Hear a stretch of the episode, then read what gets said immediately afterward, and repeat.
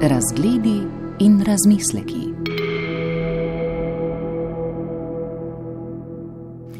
Na letošnjem festivalu kratkega filma Fek v Ljubljani so prikazali program filmov Želimirja Žilnika s podnaslovom Politične lekcije iz Zahodne Nemčije.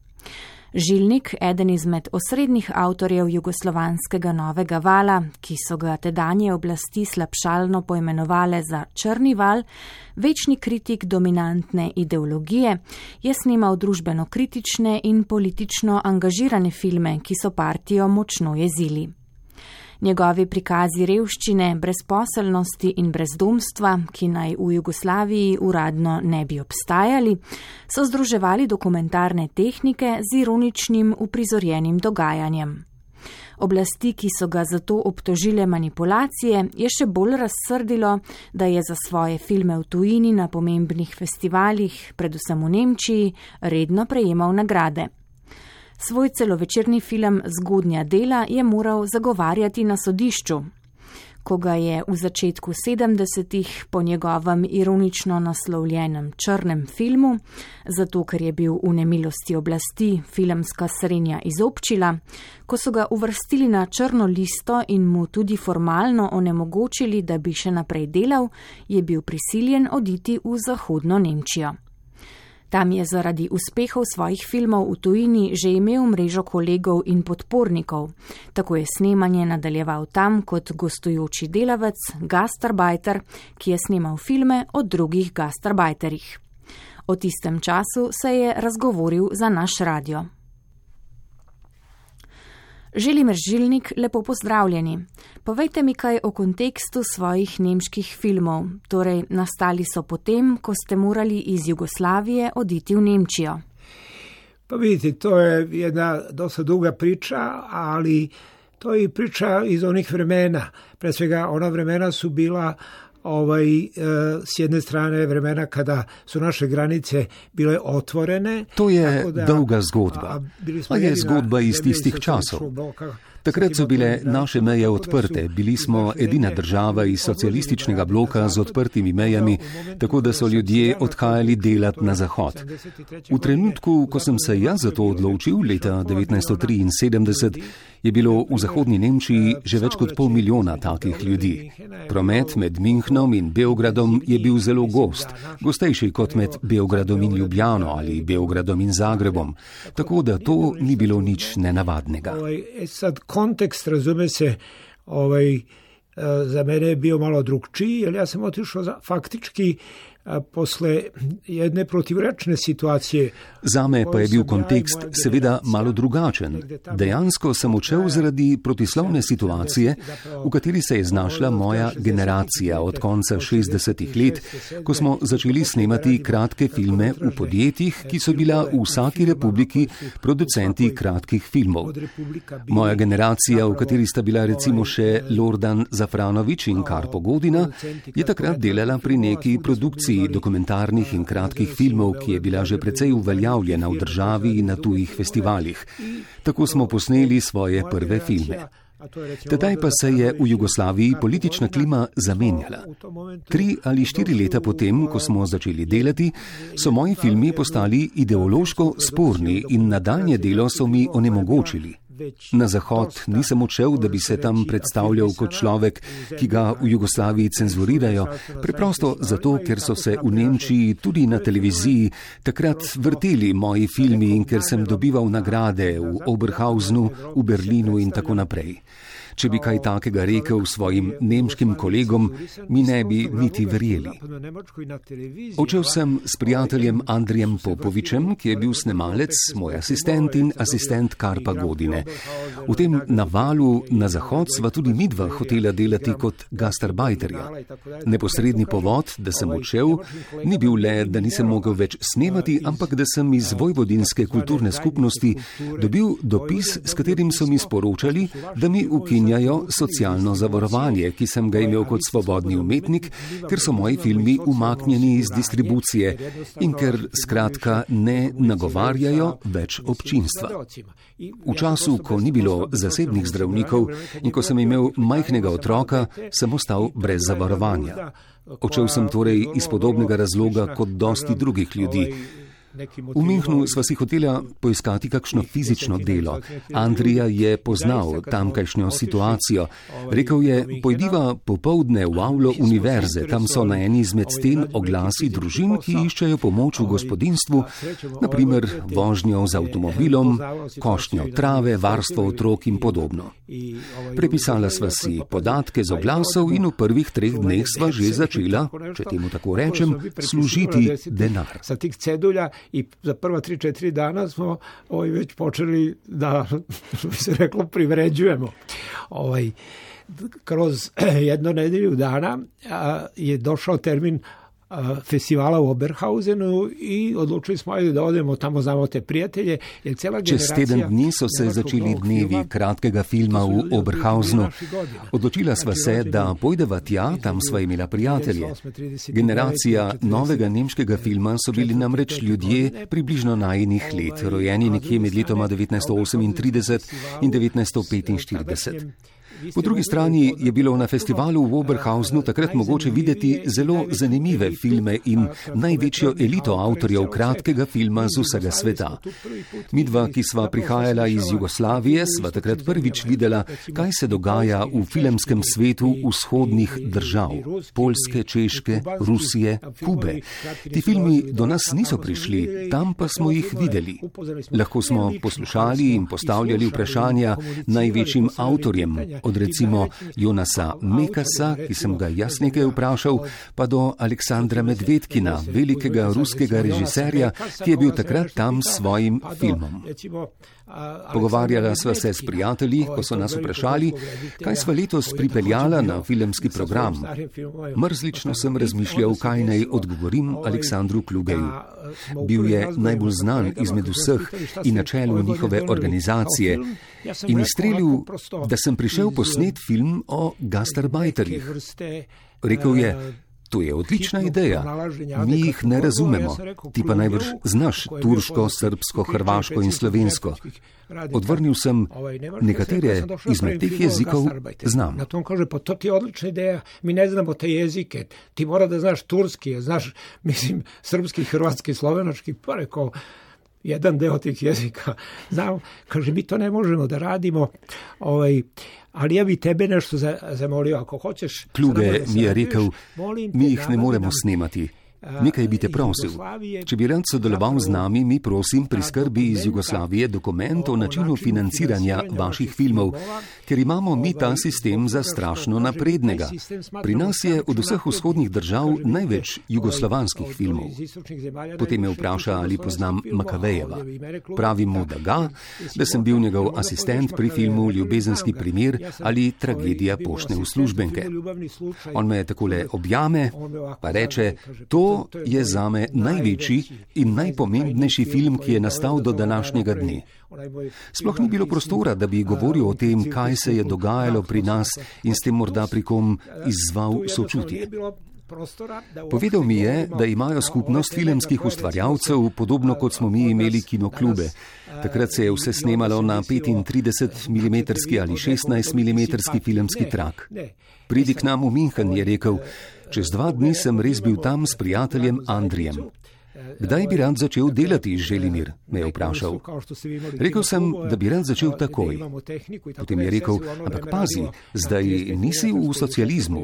V socializmu imate teden dni priprave, dva tedna snemanja za kratki film, dva tedna za montažo. Tukaj pa bom tisto, kar boš ti snemal, jaz plačal iz svojega žepa, potem pa si bova dobiček razdelila. Vprašal sem, koliko časa mi daš? Pa pravi, dva dni za pripravo, dva dni za snemanje, dva dni za montažo. Začnem delati. Nisem znal jezika, nisem vedel, kako tam stvari stojijo. Pridem na ulico, vprašal sem še, ali dobim tehniko. Rečejo mi, tu je Tomas Mauch, veliki snemalec. Njemu rečejo, ajde, Tomas, tu je žilnik, pojdi z njim, on je posnel dosti filmov, zdaj pa bi rad snemal na minhenskih ulicah. Čez 15 minut sva že snemala prve kadre. To je bil zame šok. Pri nas je bilo v tistem času tako, da smo, ko smo začeli produkcijo filma, potrebovali vsaj mesec, dva do trenutka, ko smo začeli snemati. Ni bilo filmskega traku, ni bilo dovolj kamer, treba je bilo počakati, da prideš na vrsto. Tomasu Mauhu sem rekel, nisem imel sploh še zamišljene teme.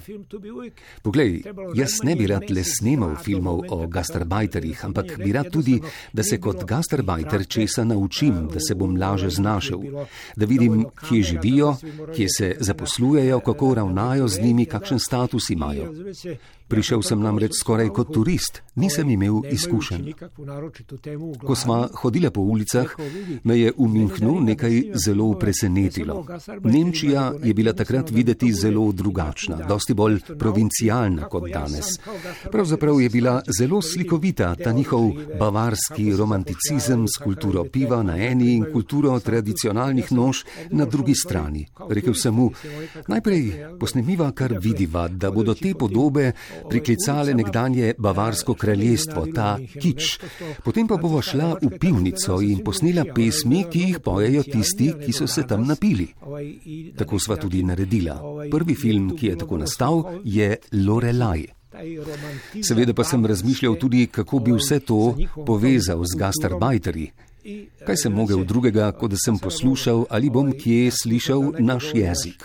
V Minhnu sva tako videla, da gradijo podzemno železnico, kopali so velikanske kanale in ko si pogledal dol, si videl po 100-200 delavcev. Vprašal sem jih, ali lahko prideva dol in kaj posnameva. Ne moreta, ne hodita, ne pride v poštev. Nevarno je, kaznovali bodo vas in nas. Pridite raje popovdne tja, kjer stanujemo. To so bila skromna stanovanja stanovanja, če bi radi govorili z nami.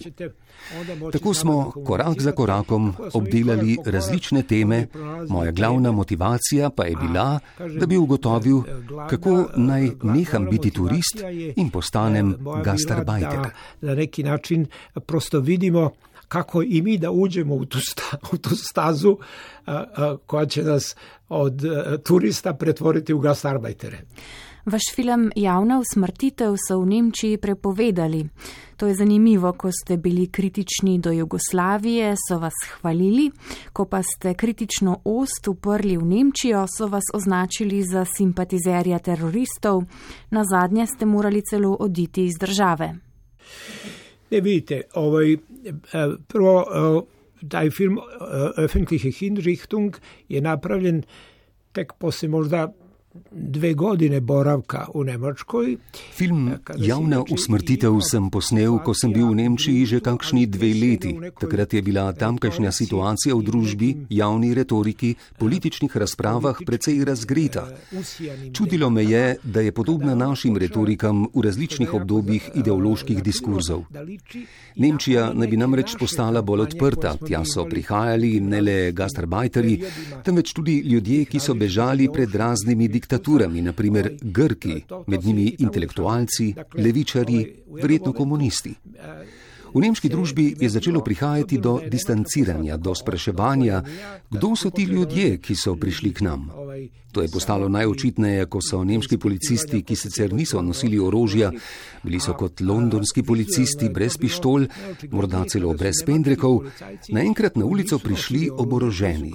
Prišlo je do tega, da je televizija snemala policijsko posredovanje pri ropu banke. Ropari so držali roke kvišku, oni pa so jih vseeno ubili. Z njihovimi posnetki smo zmontirali filmski esej. Mišljen je bil kot protest, kot opozorilo, da je to, kar naj bi ljudi zaščitilo, v resnici agresija. Nismo pa vedeli, da dejansko tudi pri njih obstaja cenzorska komisija. Pri nas se je imenovala Komisija za pregled filmov. Ko so oni odobrili filme, so jih kinematografi šele lahko predvajali. Pri njih je bila to Komisija za prostovoljno samokontrolo filmov, Freiwillige Selbstkontrole. Ko so si film ogledali, smo dobili pismo, v katerem je pisalo: Avtor filma Tujec očitno ni dovolj seznanjen s protislovji in težavami, s katerimi se Nemčija sooča v političnem in ekonomskem pogledu, tako da film deluje destruktivno in mi ga prepovedujemo. Ta film je prepovedan še danes. Izvedel sem, da ta komisija še vedno obstaja. In ko sem sodeloval na festivalu v Wiesbadenu, sem potrkal na njihova vrata in rekel: Dobr dan, jaz sem žilnik. Kaj moj film že lahko pokažejo? Rekli so: Ne. Prepovedanje. Ko se okoliščine spremenijo in vam bomo film lahko odobrili, vam bomo napisali pismo. Kad se budu okolnosti poklopile, da mi možemo da vam taj film odobrimo, mi ćemo vam napisati pismo. Eden izmed vaših filmov je bil tudi Raj, imperialistična tragikomedija, za katero ste hoteli, da bi v njej igral Fassbinder. Govori se, da je prebral scenarij, potem pa idejo uporabil v svojem filmu. Pa znate šta, ja nikad ne bih ovaj, to formulisao tako grubo. Zašto? Zato što ja znam da svi mi koji se bavimo filmom, i svi mi koji se bavimo recimo pisanjem ili drugim umetnostima, razume se da mi Veste kaj, tega ne bi tako grobo besedil, zato ker vem, da imamo vsi, ki se ukvarjamo s filmom, pisanjem ali drugimi vrstami umetnosti, asociacije na nekaj, kar smo videli ali prebrali. Fassbinder je eden najgenialnejših evropskih režiserjev. To je gotovo. Njegovi filmi so med največjimi evropskimi filmi vseh časov. Jaz sem ga res spoznal v tej skupini filmarjev.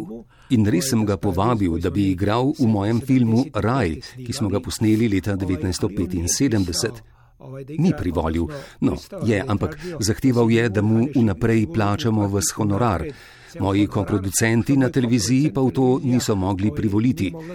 Fassbinder je veliko delal v gledališču, snemal svoje filme. Mislili so si, da si ne bo mogel vzeti 20 dni ali kolikor bi ga potrebovali še za nas v času, ki je bil določen. Predvidevali smo, da ga bomo morali dve leti čakati. Izplačali bi mu honorar, potem pa bi bila to težava. Tako sem stvar drugače rešil. Film smo posneli. Tega, kar se zdaj pojavlja v nekaterih nekaterih člankih jaz nisem sprožil. Res pa sem Fassbinderju dal v branje svoj scenarij, kot je zahteval. Nekaj zelo nenavadnega pa se je zgodilo v Sankt Peterburgu pred kakšnim desetletjem. Na festivalu smo imeli retrospektivo novega nemškega filma, jaz pa sem imel retrospektivo svojih filmov, pa sem prišel gledati še nemške. V programu je bil Raj. Poslušal sem pogovor po filmu, potem pa je neki ruski kritik rekel: Čudi me, da ste v program uvrstili Žilnikov film, saj on ni bil del tega gibanja, sploh pa, ker ga je posnel po motivih iz Fassbinderjevega filma. Potem pa sem vstal in rekel tistim za mizo: Vidim dva Fassbinderjeva asistenta, vidim njegova igralca. Se spominjate, ko sem mu prinesel scenarij in smo o njem dva ali tri dni razpravljali? Jaz sem njemu tekst prinesel leta 19. 1975, film pa je posnel leta 1977. Kakorkoli že, ne bom rekel, da je Fassbinder meni karkoli vzel ali da ga je navdihnilo kaj mojega. Vsekakor pa bom rekel, da mene njegov film ni mogel navdihniti, ker on svojega filma še ni posnel, ko sem bil jaz v Nemčiji, ampak dve leti pozneje. Te stvari se verjetno dogajajo zelo pogosto v vseh naših filmih in ne da bi se tega zavedali. Vsi imamo kakšne reference na kaj, kar nam je bilo všeč, pa se tega ne zavedamo. Iracionalno, razumete, toliko, toliko u tim svim našim filmovima vi imate ovaj, uvek neke reference na ono što vam se dopalo, nekad ih svesno unesete ili ne. Vaši nemški filmi so bili do pred kratkim izgubljeni. Kako so jih našli? Pa vidite sad šta se tu desilo. Znači ja sam bio svega te tri, četiri godine u Nemačkoj, međutim, desilo se kada je Poglejte, kaj se je tukaj zgodilo. V Nemčiji sem bil tri ali štiri leta. Premjera Raja se je po naključju ujela z zelo dramatičnimi političnimi in družbenimi dogodki. Skupina, ki se je najprej imenovala Bader Meinhof, je potem z intelektualne kritike prešla na konkretne teroristične akcije, kot je bilo zažiganje veleblagovnic. Potem pa so levičarski anarhisti zagrešili umora nekih visokih funkcionarjev Imenovali so se tudi frakcija Rdeče armade. To je bil seveda zločin. Naš film Raj je imel premiero le nekaj dni zatem. Obiskala nas je tajna policija. Zgodba našega filma je temeljila na nekem drugem primeru, ampak videti je bilo, da ustreza tedanjemu dogajanju. Naš primer je bil primer nekega berlinskega lokalnega politika, ki je kandidiral za župana. Bil je precej nepriljubljen. Potem je mesec dni pred volitvami udarila novica, da so ga ugrabili teroristi, da ga mučijo v neki kleti. Objavili so fotografije. Po dnevih nenehnega poročanja o njegovi ugrabitvi se je pojavil v televizijskem studiu v strganih oblekah, rekoč: Rešil sem se, močnejši smo od njih. Čeprav se mi kot desničarju posmehujejo, vam bom zdaj povedal, kako nevarni so. Skratka, propagandni govor. In zmaga na volitvah, vse je tako kazalo pokazalo, je bila njegova. Tik pred volitvami pa je policija ujela nekaj brezdomcev iz Berlina, ki so jim povedali: Ta politik nam je vsak dan plačal, da igramo njegove ugrabitelje, mučitelje. Ampak ostal nam je dolžan denar. Policija uhapsi nekoliko klošara iz Berlina i oni kažu da, da, kaže, mi smo bili ti koje ovaj političar platio svaki dan da da mi glumimo da smo njegovi otmičari i da ga ranjavamo i tako dalje. Kaže, ali ne, kaže, on nam je još i ostao dužan, recimo, neke pare i šta znam, tako to bude užasan skandal i taj političar, razume se, propadne. On ne bude izabran za, na tu funkciju. E sad, Seveda je iz tega nastal strašen škandal. Vse to sem bral v novicah in to je bila podlaga za naš film. Ampak, ker je bilo vse skupaj ravno v času tistih dveh umorov, je pome torej prišla tajna policija policija, odvedli so me, jaz pa sem poklical Aleksandra Klugeja, ki je tudi odvetnik, da bi me zastopal. Dokazal jim je, da je moj film posnet po drugi zgodbi, da nima nikakršne zveze s tistima umoroma, niti pri meni niso našli nobenih pisnih dokazov, da sem v stiku s frakcijo Rdeče armade. Saj nisem bil. Ampak Kluge mi je takrat rekel, poslušaj, situacija je zdaj le tako histerična, da je najbolje, da za kakšen mesec odideš in se potem vrneš. S policijo sem se dogovoril, ne boš dobil prepovedi vstopa. Bilo je poletje, šel sem nazaj domov. Okoliščine so nanesle, da sem imel prijatelja v srpskem narodnem gledališču, tam sem delal dva, tri mesece, potem pa so mi nemški kolegi svetovali, naj grem na televizijo, rekoč, tam imajo filmi najugodnejšo distribucijo, film vidi nekaj milijonov ljudi, imajo tehniko. Šel sem na televizijo v Novi Sad, tam pa so ravno potrebovali pomoč pri pripravljanju programa, zato sem zelo intenzivno tam delal nekaj let. Posnel sem kakšnih deset celovečernih filmov za TV Novi Sad in za TV Beograd. Enega ali dva sem posnel tudi za tedanjo TV Ljubljana. Nepričakovano, po vseh teh ideoloških kritikah, potem ko so me izključili iz Zveze komunistov Jugoslavije in me razglasili za trockista, čeprav sem protestiral, da trockega nisem nikdar bral. Nekdo je privlekel fotografijo z Berlinala, kjer sem z Danielom Cohn-Benditom, on je bil glavni pobudnik velikih pariških demonstracij na Sorboni, jaz pa sem ga poznal, ker je bil v žiriji, ko so zgodnim delom dali nagrado. Rekel sem, to je Daniel Cohn-Bendit, ampak mi se nismo pogovarjali o Trotskem. Pa rečejo, ne, ne, morda se samo nisi zavedal. To je bilo čudno, ta naša politična situacija, zelo spremenljiva, zelo nedoločljiva. V tem času so moji nemški sodelavci pri kratkih filmih naredili druge karijere. Eden je postal velik producent reklam za velike firme, to je bil Frank Thomas Ekerle. Ko sem ga vprašal, kje so moji filmi, mi je rekel, jaz s tem nimam več nobene zveze, to je treba iskati v arhivih. Na srečo ima Nemčija velikanski filmski arhiv, kjer zbirajo vse, kar je nastalo na filmskem traku, tudi amaterske stvari. Pred dvema letoma je nemški filmski kritik Tobias Herring rekel, Žilnik, ti vse čas govoriš o nekih šestih, sedmih, sedmih kratkih filmih, ki si jih posnel v Nemčiji. Je to res ali si si vse izmislil? Pa pravim. Pojdiva v arhiv festivala v Oberhausnu. Tukaj so jih nekaj prikazali, jaz sem bil takrat del nemške reprezentance, pa boš videl. Potem je rekel, to moram najti. Čez dva meseca se oglasi. Našel sem jih v nemškem filmskem arhivu. Popolnoma po naključju. I kaže, ja to moram naći. I kroz dva meseca se ja, javi, našao sam u Nemačkom filmskom arhivu. Slučajno. To je bila oddaja Razgledi in razmisleki. Gost v studiu je bil srpski režiser Želimir Žilnik. Z njim sem se pogovarjala Tina Poglajen, urednica Staša Grahek, bral je Igor Velše, tonska mojstra Vladimir Jovanovič in Janez Ahlin.